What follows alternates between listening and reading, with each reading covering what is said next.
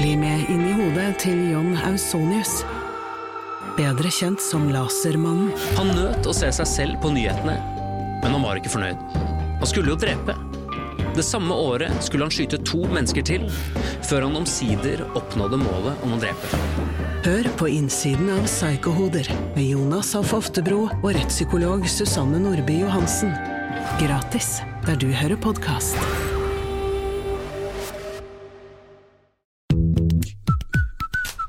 Og velkommen til Femihelse, en podkast om kvinnehelse fra A til Å. Og jeg heter Helene, Og jeg heter Sigrun. og vi har startet denne podkasten fordi vi mener at det bør snakkes mye mer om kvinnehelse. Så la oss snakke. Hei. Hei. Gud, for en dramatisk start på dagen det har vært. Ja, Ja, har det, har det det? ja jeg føler på en måte det. Vi satt jo og eh, drakk en smoothie, som vi pleier å gjøre på favorittstedet vårt øverst på Grünerløkka. Ja. Jeg elsker at den gamle kokosbolle, eller den lille kokosbollefabrikken har nå blitt smoothie. Det er der vi bare spiser de sunneste tingene. Deilig. Det var så mange nestenulykker der. Jeg følte at jeg startet dagen med sånn hjerte i halsen. Ja. Er ikke det litt rart at man noen ganger sitter sånn og Uh, ja, altså Plutselig så skjer det liksom ti på rappen. Ja, jo, men virkelig, og det, sånn følte jeg det var i dag. Det var liksom en sånn der lastesykkel med et barn foran som holdt på å krasje med en elsparkesykkel. En fyr som var kjørt inn i en lyktestolpe. Jeg tror ikke han hadde kjørt elsykkel før. Eh, masse barn som bare løp ut i veien. Ja. Ah, er fortsatt litt stressa, jeg. Ja, det er litt sånn morgen. Så når vi skulle gå opp til studio, så bare går vi da fortsatt med den smoothien litt i hånda, og Sigrun lø, småløper nesten foran meg. Er så, er så kald og så, så, så liksom oppjaget. Jeg bare, ok, Nå må vi bare gå litt sakte og få oss en kopp kaffe og en kopp te her. Og roe oss kraftig ned. Roe oss kraftig ned, ja. Ja. ja, men um, det er bra. Og ellers, da? Har du det bra? Ja, da fikk jeg mensen i går kveld, så i dag er sånn, egentlig sånn dag hvor uh, jeg skulle ønske Eller hvis jeg hadde visst det, så hadde jeg liksom Dette er dagen hvor jeg skulle bare liksom ligget under dynen og fyrt i peisen og bare tatt det helt med ro, da. For jeg kjenner at sånne dager som dette er sånn ref at man får hjertet i halsen av å se på sykkelen krasje litt. Er, I dag er ikke en sånn dag hvor jeg håndterer eh, stress på, jeg, eller jeg, kroppen blir veldig stressa. Hodet mitt er jo fortsatt sånn ok, det her går bra.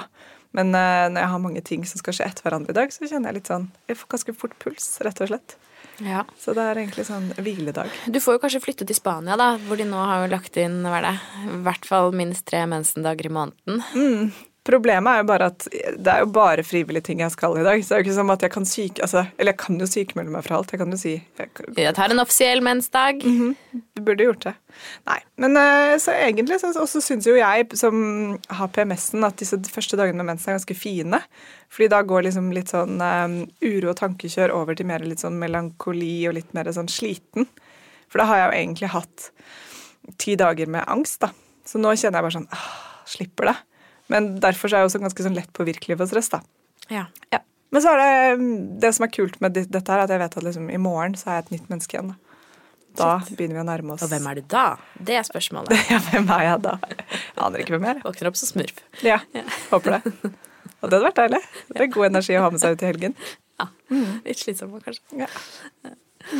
Ja, men så bra. Og jeg har det bra. Det er Som godt vanlig. å høre. Ja. Som, som vanlig relativt balansert. Ja. Bra.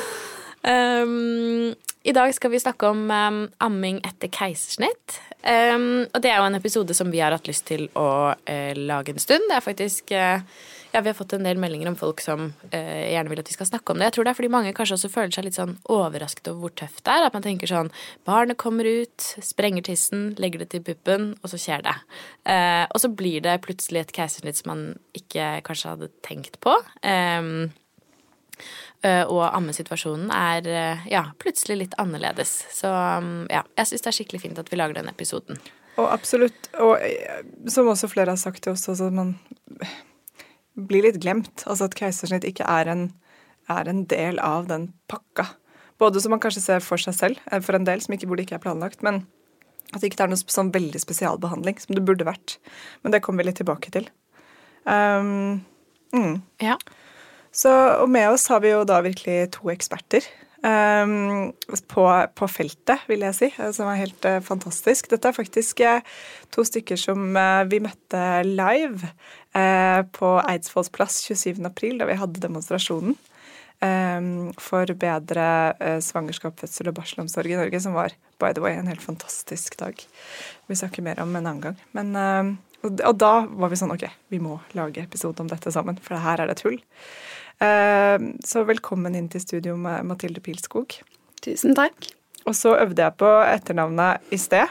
Men uh, hodet mitt i dag er ikke helt med, så da sier jeg bare velkommen Isabella Sæterø. Og så kan du få lov til å si det fine, fine etternavnet ditt selv. Tusen hjertelig. Det var Isabella Aboradoa. Aboradoa. Ja. ja. Det er nydelig. Er du fransk? Det er, det er arabisk. Faren min er palestinenser. Oh, ja. uh, så det er den eh, franske utgaven av et veldig arabisk navn.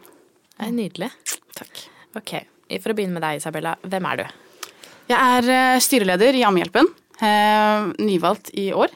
Uh, har vært ammehjelper siden 2018. Januar 2018. Så og Ammehjelpen kort er? Ammehjelpen er en frivillig veldedig organisasjon som driver med mor-til-mor-støtte. vi rådgir mødre innenfor amming. Vi er 250 mødre som gjør dette, og besvarte i snitt i fjor 36 000 henvendelser fra mødre, helsepersonell og foreldre jevnt over om amming, da.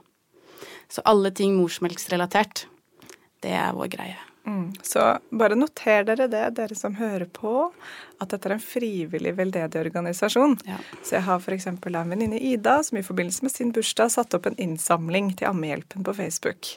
Så det er bare å selge boller og kaffe og kaker og, og samle inn penger til Ammehjelpen. Ja. For uten bidrag så går det i hvert fall veldig tregt. Mm. Ja tregere. Mm. Så vi fikk eh, melding fra Vi samlet inn noen spørsmål i går, og de skal vi jo ta løpen gjennom denne episoden. Men en av de, hun trengte egentlig litt akutthjelp, og da var det så deilig å kunne si sånn, vet du hva, du kan faktisk ta Du trenger ikke å vente til denne episoden kommer ut. Du kan Nei. ta kontakt med Ammehjelpen, så kan de hjelpe deg. Ja. Og det er jo fantastisk.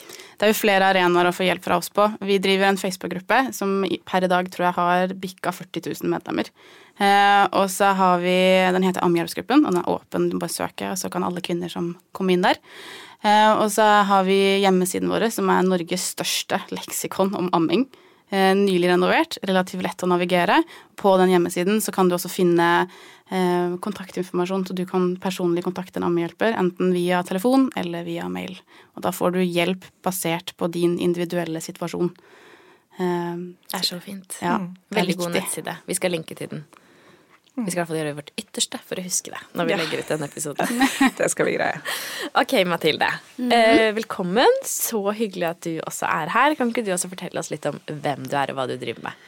Takk for det. Eh, jeg heter Mathilde Pilskog. Jeg er fysioterapeut, jobber da mest med kvinnehelse. Eh, og så engasjerer jeg meg veldig for keisersnitt og mangelen på oppfølging etter keisersnitt. Eh, og er da keisersnittkvinne selv. Eh, keiserinne, er det ikke det? Keiserinne. Ja. Det er ikke alle som har fått med seg hva det betyr, så jeg har fått så mye spørsmål om det.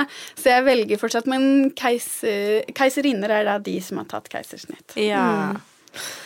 Og du er jo ikke lege, men fysioterapeut, men mm. har litt um, egen erfaring på temaet, så kanskje du kan begynne med å fortelle oss litt om hva er et keisersnitt? Så vi har det som et grunnlag, alle sammen. Ja.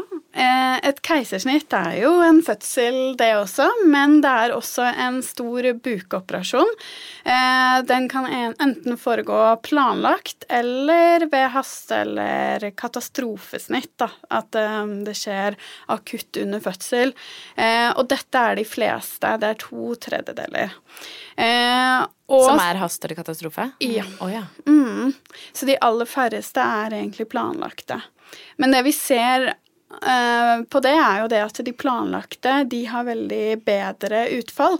Uh, nettopp fordi at vi ser det på alle operasjoner, egentlig, at hvis man er forberedt i forkant, hvis du har fått lov å snakke med legen din, uh, kommer inn rolig, er forberedt, så har du mye bedre utfall i ettertid. Du kommer deg lettere og har lettere for f.eks. å begynne å amme. Eh, samtidig så kan det skje ting der òg, så det, er ikke gjeldende for absolutt alle.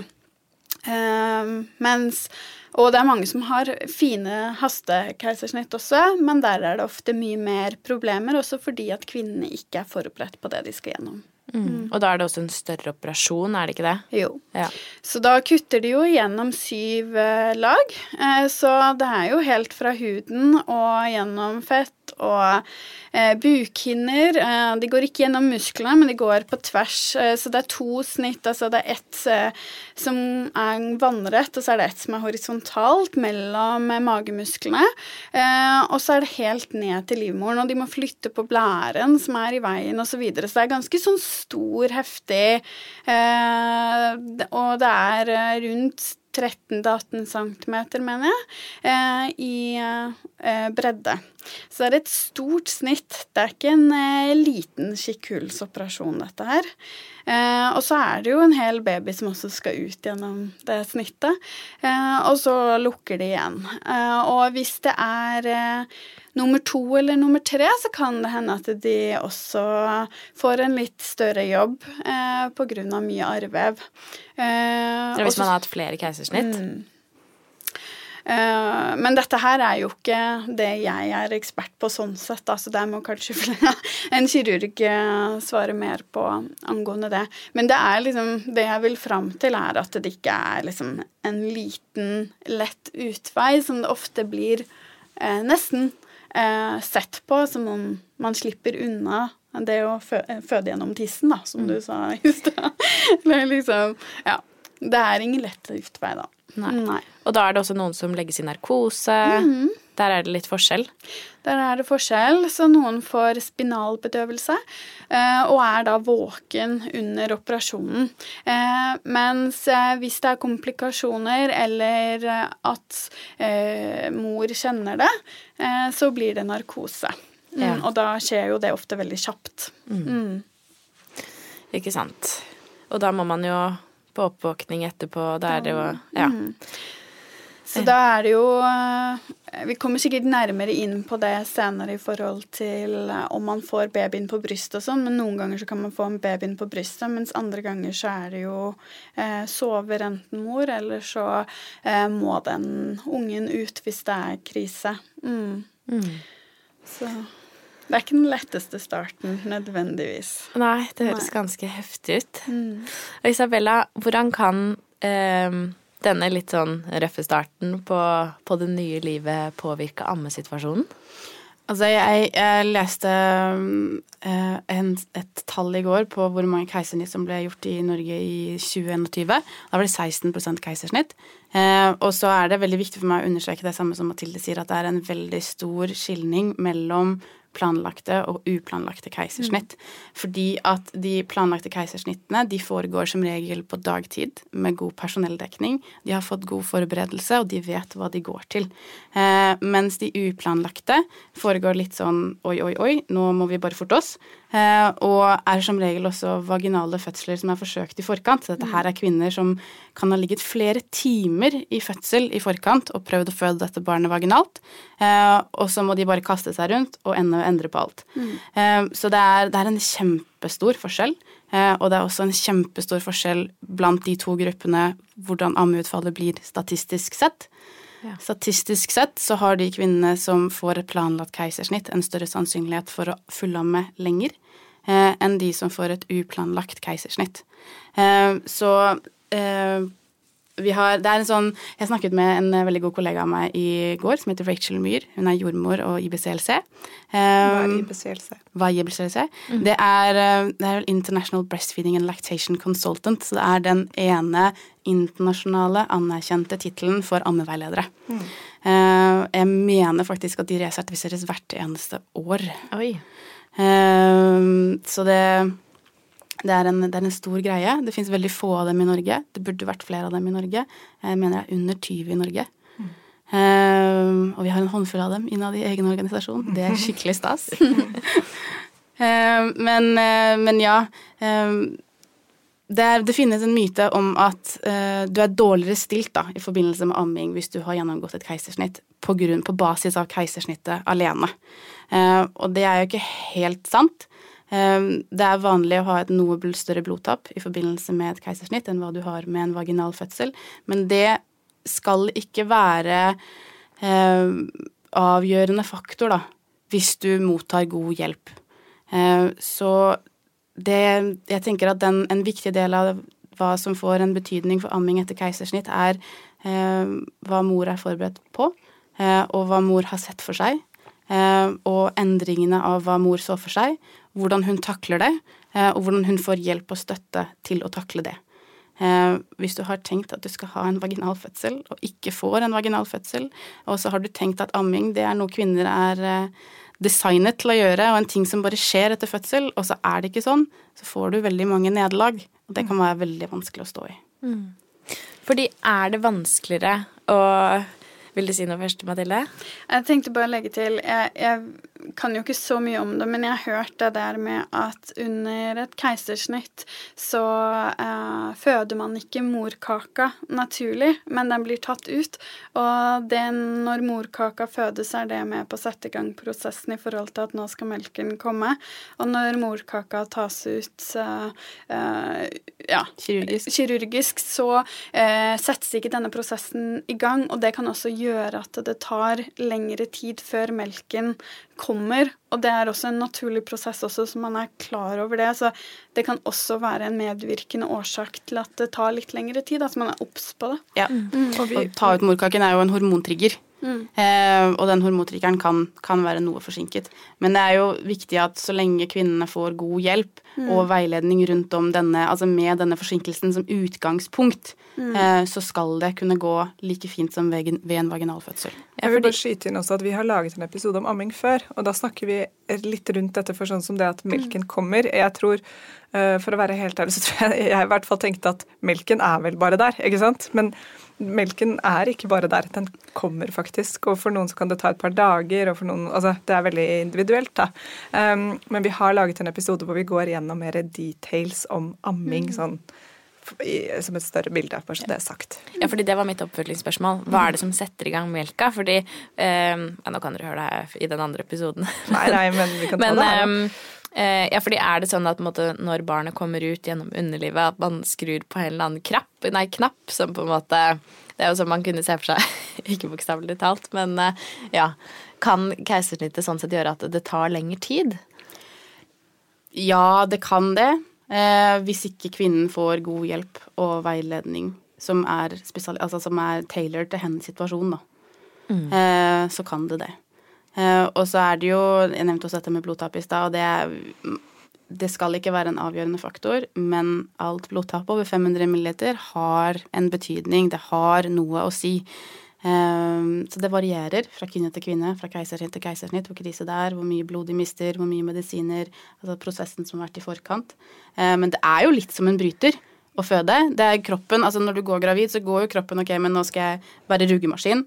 La, la oss lage denne babyen. Og så når denne babyen er ute, så er det bare sånn ding! Nå skal jeg lage melk. Eh, så det er jo litt sånn. Det er det. Ok, men eh, når da babyen er ute eh, ved hjelp av keisersnitt, hva er da den optimale starten på, på ammingen? For å få et best mulig forløp da, derfra? Ehm, Det optimale er at barnet kommer til mor så fort som overhodet mulig. Eh, Helst så skal barnet gjerne til mor og opp på brystet på operasjonsstuen, men det er ikke alltid mulig å gjennomføre. Både fordi at mor kan være i narkose, og barnet kan være sykt. Eh, Det kan jo være grunner hos dem begge til at det blir gjennomført keisersnitt. Um, og så er det, hvis ikke det er mulig å få hud-mot-hud-kontakt på, på operasjonssalen, så er det viktig at det skjer så fort som mulig etterpå. Så så jeg hørte en sånn nerdete faktor er at man burde prøve å få dette barnet til moren før bedøvelsen har gått ut, fordi at da kan barnet få lov til å romstere litt på kroppen til mor uten at mor får store smerter. Ja. Så det kan komme borti operasjonsåret og på en måte få muligheten til å finne brystet på samme måte som du ville gjort ved en vaginal fødsel, da. Mm. uten at det skal være til store sjener for mor. Um, og da har du jo ikke veldig lang tid på deg etter den fødselen. Du har en, en Jeg tror at det er halvannen til to timer maks før vi begynner å snakke om at mor begynner å bli litt smertepåvirket mm. og skal dekkes med ny smertestillende. da. Eh, så clouet for en optimal ammestart for et, en mor som er blitt forløst med keisersnitt, er å få barnet sitt så raskt som overhodet mulig. Eh, og så er det jo slik at det eh, Det finnes veldig mange unnskyldninger for å ikke gi mor dette barnet. Eh, men det er en rett vi har, og det er en eh, en paragraf i uh, Ti for vellykket amming, som WHO har lansert, og som alle sykehus som er en del av mor-barn-vennlig initiativ, forplikter seg til å opprettholde. Um, så det er det, setningen går på at mor som, en mor som er forløst ved keisersnitt, skal få anledning til å få barnet til seg innen en halv time etter at de er i stand til å forholde seg til den nyfødte. Så de må altså være våkne. Um, og de skal få anledning til hudkontakt med barnet minst én time og få tilbud om hjelp til ammingen. Um, og det skal, det skal, foreligge en medisinsk grunn for å ikke koble mor og barn sammen så raskt som mulig etter fødsel. Og keisersnittet utelukkende er ikke en medisinsk god nok grunn til å ikke la mor få barnet sitt. Mm. Mm. Så det er noe man kan be om da, når man er på sykehuset? Altså min, eh, min, konkrete anbefaling vil være at eh, hvis du er i tvil, eller hvis du er litt bekymret for dette, eh, så finne, finnes det inne på hjemmesiden vår så har vi denne ti trinn for vellykket amming. Eh, vis til dem, eh, og vis at dette this is your right. Um, og det kan til og med, det ligger en sånn PDF på hjemmesiden vår, så du kan printe ut og ta med deg og legge den ved fødebrevet. Um, og så vil jeg også si sånn at til alle kvinner som skriver fødebrev, uh, så er vi veldig flinke til å skrive fødebrev in case of vaginal fødsel, som de fleste jo planlegger å ha. Uh, men inkluder en, en shitplan, da, som uh, Landsforeningen 1001 dager kaller det, i fødebrevet ditt. hvis jeg skal gjennom et keisersnitt, så ønsker jeg så og så og så. Dette er viktig for meg. Eh, da har du på en måte gjort det du kan, da. Mm. For å sørge for at du får det du har krav på. Og så tenker jeg, for å legge til, at um, det fødebrevet er det ikke sikkert uh, leser, noen nei. leser. Um, involvere partner, fordi at egentlig så er det partner som bør ha alle disse fakta og PDF-ene og sånne ting liggende klart. Ja. Uh, sånn at uh, i det tilfellet da snakker jeg av egen erfaring også, når det skjer, eh, så er det ikke du Altså, det er ingen kvinner under et keisersnitt som er i stand til å fighte for sin egen rett til noen ting, og spesielt ikke på oppvåkning. Nei. Så dette her er egentlig ikke den som har født sin jobb. Det er partneren eller omsorgspersonen som bør egentlig ha den jobben og legge til rette for uh, uh, dette, etter min mening. Fordi etter en operasjon sånn sett, så er man helt omtåket, så er ingen som har sjans. Nei. Men eh, Mathilde, du har jo selv gått gjennom et keisersnitt. Var du forberedt på at det kunne ende sånn? Nei, og jeg er litt der at vi kanskje må endre samtalen. Jeg tror vi har vært så redde for keisersnitt nettopp fordi vaginal fødsel alltid er det beste. Uansett. Eller som regel. Men eh, det betyr ikke at man ikke skal snakke om det. Fordi jeg tror de færreste egentlig er forberedt og vet hva som skjer. Det er i hvert fall det jeg har inntrykk av Jeg jobber jo med eh, mange kvinner som har tatt keisersnitt også, så det er ikke bare meg selv.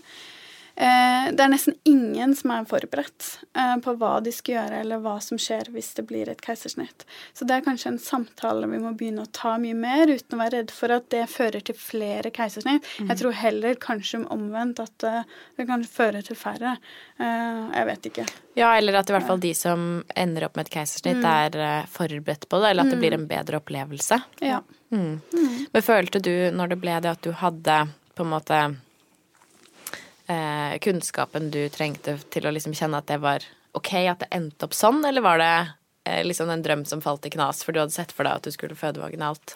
Jeg var veldig jeg var veldig forberedt på at det, var stor, høy sannsynlighet for at det ble keisersnitt pga. Uh, mye bakenforliggende årsaker. Men jeg var allikevel ikke godt nok forberedt. Og det er der jeg tenker at jeg, som, jeg følte jeg var skikkelig godt forberedt.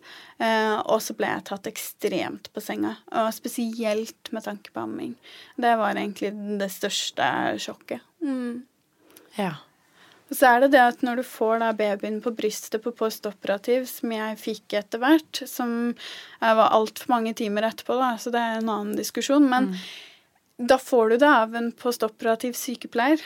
Eh, eller noe sånt noe. Jeg kan ikke huske at det var noen som sa noen ting om hvordan du skulle legge. Altså, de forsvant igjen. Så var jeg alene med babyen min. Fordi det er jo ikke Du er på en vanlig postoperativ avdeling. Er, du er ikke på barsel. Nei. Så um, det er også litt det der du sier sånn man skal ha den kunnskapen og hjelpen. Ja. Og så er det jo spørsmål om men er den der? Eh. Det er, men det er jo, vi gjør jo kvinnen en bjørnetjeneste ved å la denne søkende etter informasjon være opp til dem enkelt. Mm. Fordi at man går jo i en form for hjernetåke. Eh, når man skal føde barn. Eh, og det kan ikke være opp til hver enkelt individuelle kvinne å sørge for å få den informasjonen hun trenger. Også fordi at hun ikke i forkant er klar over hvilken informasjon hun egentlig trenger. Eh, det, er opp, altså det er helsepersonellets arbeid å sørge for at kvinnen er veldig informert om de tingene som vedrører henne. Eh, og det utelukkende. Og så får kvinnen på en måte ta et valg om ok, men dette ønsker jeg å lese mer om, eller ikke. Eh, men hun skal presenteres for alle de ting som kan være nødvendig for henne å ha kunnskap om. Ja, for eh, når man da har vært gjennom det som er en stor, stor bukoperasjon, som du sier, Mathilde, eh, og uavhengig av om man havner i narkose eller ikke, men eh, vil det påvirke altså hvordan selve ammingen bør eh, gjøres? Og da tenker jeg på liksom stillinger, er det ting man må ta hensyn til? Så du har det fysiske aspektet av at du har et relativt stort sår på magen. Eh, og så har du det fysiske aspektet av at du har uh, holdt jeg på å si, du har vært operert, og kroppen har fått en påkjenning derigjennom. Så det er, det, er, det er vanskelig for en nybakt keiserinne, jeg velger å kalle det keiserinne, å amme i sittende stilling. Det er vanskelig å sitte oppreist og på en måte få til det. Eh, Så hun har en del begrensninger i form av ammeposisjoner. Eh, Og så i denne begynnende fasen som Mathilde snakker om også på postoperativ, så er det jo helt hull i hodet at noen har gitt deg en baby og gått fra deg. Det er jo helt kakao. Du må jo få hjelp og støtte, og noen må være hos deg. Man kan ikke gå fra en kvinne med enten begrenset følelighet eller som er påvirket av eh, smertelindring ut, altså, med en baby alene. Det er ikke greit. Eh, så du burde ha fått et menneske som sto sammen med deg, og det som på en måte hjalp deg med å plassere denne babyen og sørget for at ok, men er du trygg i det du gjør, har du koll på det du gjør, og så burde man vært sammen med deg frem til partneren din kom og var sammen med deg. Det er jo et kjempestort hull i det Mathilde har opplevd. Eh, og det er ikke på noen som helst måte greit. Uh, så jeg tenker uh, Så er det jo altså igjen forskjellen med dette med planlagte keisersnitt og uplanlagte keisersnitt. Ved et plan- planlagt keisersnitt så har moren også mulighet til å begynne med håndmelking i forkant av fødsel. Eh, Det vil gi henne et potensielt arsenal da, av morsmelk hun har på sprøyte, eh, som kan hjelpe med å roe et kavete barn da, i forbindelse med at hun skal legge det til sånne ting. Men Eh, kan alle gjøre det? i samråd med lege. Eh, litt avhengig av hvilken situasjon, altså hva som er grunnen til at du skal ha et planlagt keisersnitt. Fordi at å begynne å håndmelke kan jo også sette i gang en fødsel. Eh, så i samråd med lege så kan kvinner gjøre det. Okay. Jeg vil ikke bruke ordet alle, men så kan kvinner gjøre det. Okay. Eh, Så forhør deg med helsepersonell. Avhengig av din situasjon. ikke sant? Men friske kvinner som ikke har noen predisponibilitet for å skulle komme til å føde prematurt barn eller sånne ting, kan fint håndmelke før fødsel. Det er et enormt fint verktøy eh, å ha med seg i bagasjen, både fordi at da har de lært håndmelking i forkant av fødsel, eh, også fordi at de har denne dette verktøyet da, i verktøykassen sin med denne morsmelken på sprøytene som kan brukes i en situasjon hvor du har et barn som ikke har noe særlig tålmodighet, eller hvor du har vanskeligheter med å få et godt sugetak som mor blir smertepåvirket i forbindelse med det å skulle amme etter fødsel. Men du sa at når man har hatt et keisersnitt, så er det mange som eh, har problemer med å sitte Ja. eh, når de ammer. Hva er et alternativ da? Eh, tilbakelent amming er et veldig fint alternativ. Også fordi at tilbakelent amming med et barn som ikke har på seg så veldig mye klær, vil stimulere barnets naturlige reflekser til å ønske å die. Eh, det finnes noe som heter et breast crawl, som er Altså når et barn er nyfødt, så vil, er det på en måte prosessen hvor jordmor eller barnepleier legger dette barnet opp på brystemor, og så får barnet lov til å finne frem selv. For barnet er bygget med instinktene det trenger for å klare å finne brystknoppen og koble seg på helt selv. Det tar litt tid, og det ser litt rart ut for oss som er vant til kontrollerte bevegelser, men det er fullt mulig. eh, Og det er også fullt mulig å oppnå med en keiserinne i etterkant av et keisersnitt. Eh, Hun må bare få roen og muligheten til å gjøre det, og da er tilbakelent amming en optimal stilling.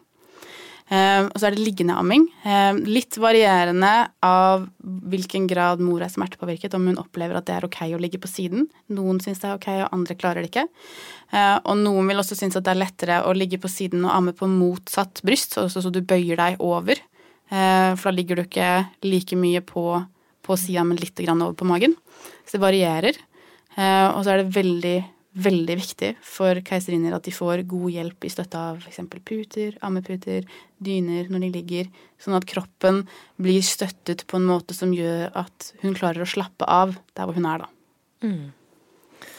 Kan jeg legge til noe? Altså, også det der med å legge noe mellom såret og babyen, altså ammeputer à la det, da. Ja.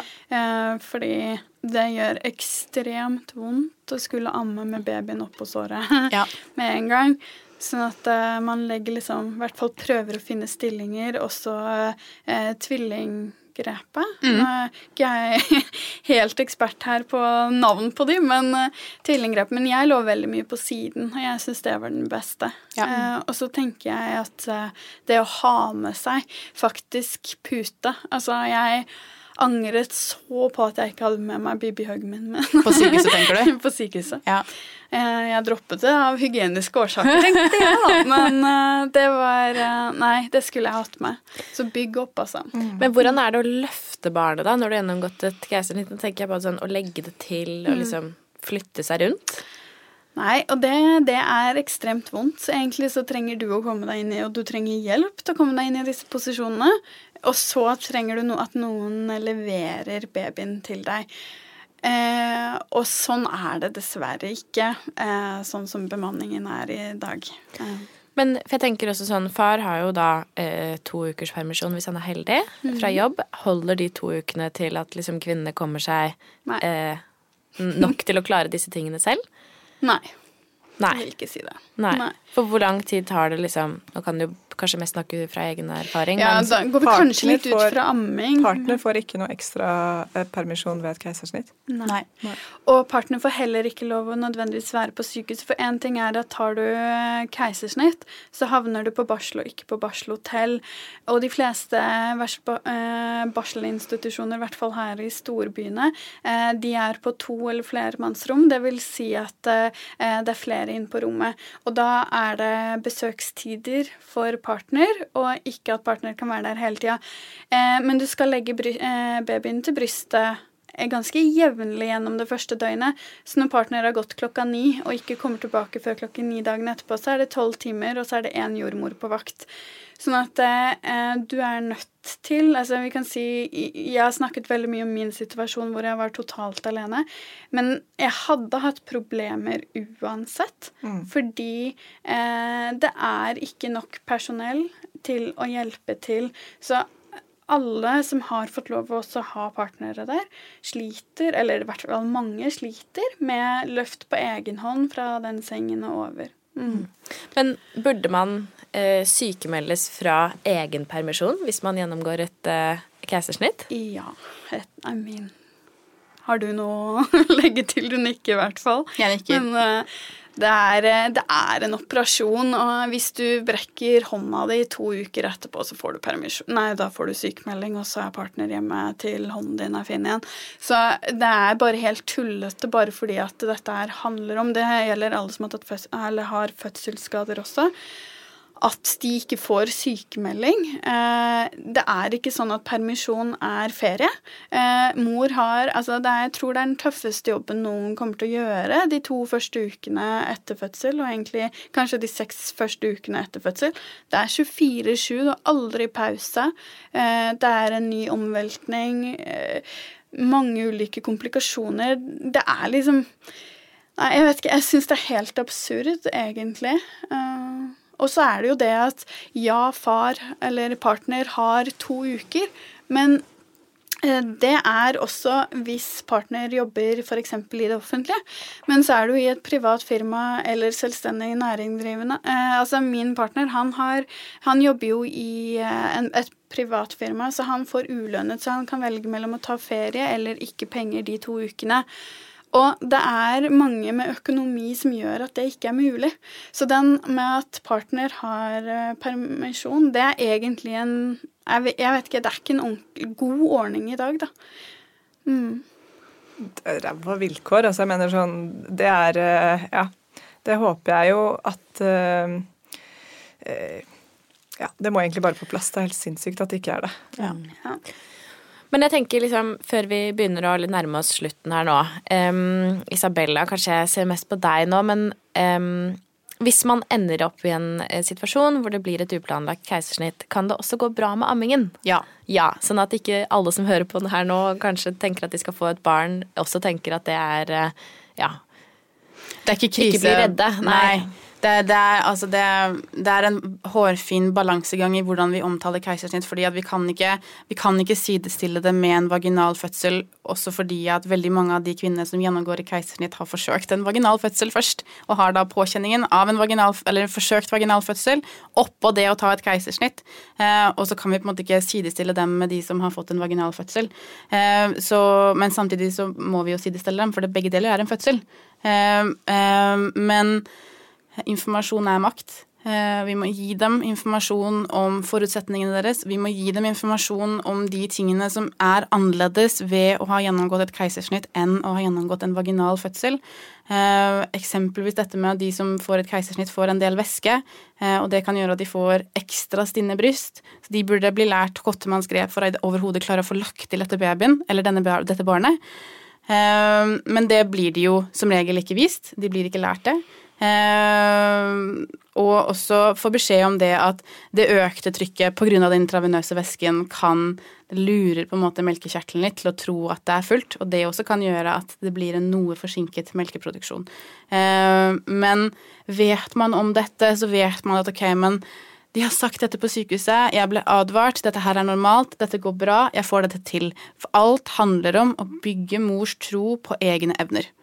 Uh, når mor tror på seg selv, så er hun en superhero. Alt går så lenge mor tror på seg selv. Men hun må ha et støtteapparat rundt seg og bli gitt informasjonen slik at hun klarer å stå i situasjonene og beholde troen på seg selv. Mm. Og jeg vet at Vi snakket litt om dette i denne episoden med amming også, men um, ut, altså, uten at man skal legge hele liksom, ansvaret på, på, fødekvinnen. Men det er jo ganske mange som leser seg opp på graviditet, og som leser seg opp på fødsel.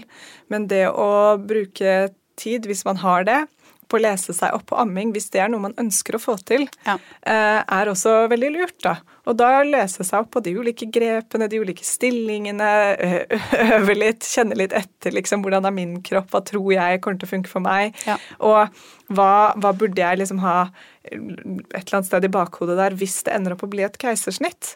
Og, og dette er ikke sånn at jeg sier at man skal liksom lese flere timer hver uke, men at man liksom googler det litt, ser litt på YouTube, melder seg inn i Ammehjelpen og bare forbereder seg litt. da, fordi en ting jeg har hørt som, som selv ikke har barn, men som opplever uh, mange rundt meg som får det, og veldig mange sier sånn 'Jeg ante ikke at ammingen skulle være sånn eller sånn.' Nei. Og så blir jo jeg sånn 'Ja, da burde du lest det'. Men ikke sant? det er noe med at det, det, er Jeg skjønner veldig godt at mentalt så kan det hende at man tenker fram til barnet er ute. Ja. Uh, men det kan nok hende at det lønner seg å lese litt lenger enn det.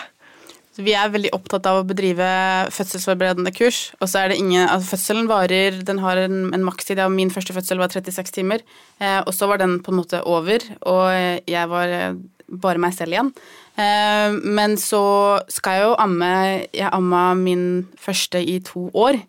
Ehm, det er jo en, en, mye lengre greie, og det er som regel en mye mer krevende greie. Spesielt hvis du har, ikke har tenkt at du i utgangspunktet skal ha et keisersnitt, og så ender opp med å få et keisersnitt. Hvis du da oppå der igjen får en trøblete ammestart, eh, så er det, det er så sykt mange nederlag, og det går så intenst på kjernen av hvem vi er som kvinne.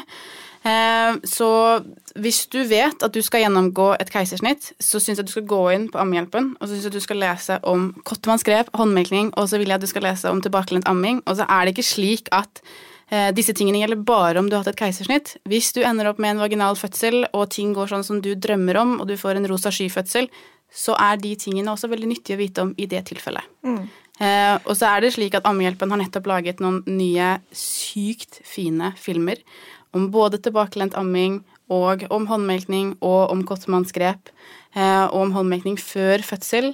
De er veldig informative og korte og enkle og greie å fordøye. Nettopp. Og det er sånn type informasjon jeg tenker på. sånn, Se det. ikke sant? Sånn, ja. En dag du har mulighet til det. Sånn, Med har, partner. Ja, absolutt. Og, og, kanskje andre rundt deg også. ikke sant? Sånn det er, at det er flere rundt som kan det. Ja. Men um, Og så er det noe med En ting jeg vil bare skyte inn, da, så er det jo noe med at jeg har også hørt disse historiene fra venninner som sier at liksom lettelsen idet de skjønte at de skulle få lov til å slippe å amme altså at det var sånn, Og så til slutt så bare skjønte jeg at det kom en og sa til meg sånn Du trenger jo ikke når du prøvd dette så så lenge. altså sånn eh, Informere seg selv litt om det også, sånn eh, Eller hva er, liksom, hva er det jeg skal prøve på før jeg finner ut av at dette vil jeg heller ikke gjøre, dette blir for mye for meg, uten at det skal føles ut som et sånn kjempenederlag. Bare sånn, vet du hva, jeg prøvde, funka ikke, eh, og jeg har fått den hjelpen jeg føler at jeg trengte, men jeg vil ikke allikevel. Ja. Det er også helt greit, selvfølgelig, ikke sant, men det er noe med den derre sette seg litt inn i de ulike scenarioene og lese seg litt opp nettopp den informasjonen på egne vegne er makt. da. Ja. Så man kan ta en, en avgjørelse på det selv. Sånn, vet du hva? Sorry, ass, jeg har gått gjennom en stor bukoperasjon. Jeg er ikke interessert i dette her. Er ikke, funker ikke for oss. Så må hun respekteres for det valget. Det er Yes. svært viktig. Vi må slutte å pushe mødre som ikke har lyst til å amme, til å amme, bare fordi at vi har lært til at man skal amme, punktum. Eh, respekt for den enkeltes valg, det er veldig viktig. Eh, og eh, og eh, ja. Ja, for det er jo en av meldingene som vi fikk i forbindelse med denne episoden også, at det er mye stigma rundt uh, morsmelkerstatning. Um, og det er jo veldig synd, tenker jeg, hvis man finner ut at det ikke er eh, riktig for, for den familien det gjelder. Jeg synes det er veldig kjipt at vi, når vi snakker om amming, så er vi veldig raske på det å si at det er fullamming eller ingenting. Mm. Uh, når det egentlig finnes et spekter imellom. Uh, og så er det den individuelle morens uh, forutsetninger både helsemessig og psykisk etter hva hun har gjennomgått. Eh, og um, at man må se det som et helhetlig større bilde. Um, og at hun som et individuelt menneske må klare å stå i det hun har vært igjennom, og samtidig relatere seg til dette barnet og få et bånd til dette barnet. Um, Så det er ikke Det er ingen barn som er tjent med en mor som ødelegger seg selv for å få til å amme, eh, og ikke klarer å være mamma forutenom de eh, ammeøktene annenhver time. Det funker jo ikke, det heller. Eh, Så det er et, et langsiktig perspektiv, men at alle keisersnittkvinner fortjener å bli gitt muligheten til å få et normalt ammeforløp, selv om de har hatt en et uh, uplanlagt, altså et uplanlagt forhåndsscenario med et keisersnitt. Eh, så oppi alt som har vært ikke planlagt, så fortjener de å få den ene tingen som kanskje går som de har planlagt. Og det kan vi tilrettelegge for ved å gi dem god hjelp, god veiledning, god informasjon. Ja, Nydelig. Er det, er det noe dere vil legge til før vi avslutter? Jeg vil legge til én ting til, og det er det med smertestillende. For veldig mange er redde for å ta nok smertestillende fordi de er redd for at det går over i melka, og det gjør det ikke. Men det er viktig, for smerter og stress kan hindre at man får melk også. Så det er viktig at de, smert, eh, nei, at de bruker nok smertestillende. Ja. Og så kan jeg legge til da bare på slutten, jeg har ikke snakket så mye om min ammehistorie videre, eh, men jeg klarte jo heller aldri å fullamme. Så jeg eh, klarte å amme til ti måneder, kjempestolt av det, for det var en heidundrende kamp. Men jeg eh, fullammet aldri, og det er helt greit. Brukte morsmelkerstatning og flaske fra start. Er barnet ditt liksom ok, eller? Jeg vet ikke, jeg tror ikke vi tar Andre faktorer inne der. det er andre faktorer. Nei. Men eh, ja. Men det er, det er, vi, må, vi må fremme oksytocin, og oksytocin trives ikke så lenge mor holder seg i smerte. Eller så mor eh, så lenge mor Altså, ta smertestillende hvis du har vondt, og ikke trug deg gjennom amminger som er vonde. Og sørg for at du spiser og drikker, og at du har det bra, eh, og at du er varm og ikke fryser. Fremme de gode tingene. Gode ting Ja. spinner gode ting. Ja, mor først og amming etterpå, på en måte. Det er så viktig, liksom. Og det, ja.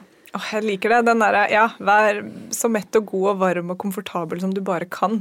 Og Alltid. så se, ja. Amming eller ei. ja, ja, sånn her, nå i studio. Kom igjen, en kopp te til. Alle har det bedre da. Ja. Nei, jeg syns det er et eh, nydelig sted å avslutte på. Tusen takk for at dere kom, både Isabella og Mathilde, og delte av deres eh, kunnskap og erfaringer. Det er, jeg vet at det er mange der ute som setter pris på det. Ja, så gå inn på Instagram og følg Mathilde på Kvinnehelsefysio, og gå inn og sjekk ut eh, Ammehjelpen både på Facebook og Instagram og nettsiden deres. Og gi gjerne et lite bidrag hvis du kjenner at dette er en sak jeg eh, støtter og stoler på. Eller bli ammehjelper. Ja, Herregud, vi er bare 250 kvinner, vi trenger flere. Ja, Come kult. join the party. bra at du sier, for det er sikkert en del som sitter der ute og tenker at hm, det, skulle, det høres spennende ut, men som ikke vet at de faktisk er invitert til å bli det. Ja. Men du er herved invitert til å bli ammehjelper, du som hører på. Vi er vanlige, vanlige kvinner, så det går an å gå inn på Ammehjelpen, ammebutikken, og så kjøpe ammehjelpepakken, og så får du pensum og kan ta prøven, og så kan du join the dark side. Kult. Veldig bra. Ha det, gjengen. Ha det. Tusen takk for at du hørte på podkasten vår. Selv om det forhåpentligvis kommer tydelig frem, så vil vi understreke at vi ikke er helsepersonell. Ja, så som vanlig, kontakt legen din om du har noen spørsmål, eller om du skal begynne på noen form for behandling. Og har du et tema som du har lyst til at vi skal snakke om, eller noe ris eller ros, så send oss gjerne en melding på Facebook eller på Instagram. Der finner du oss under Femihelse. Og du kan gjerne rate oss på iTunes, det er skikkelig hyggelig for oss. Ha en fin dag! Ha en kjempefin dag!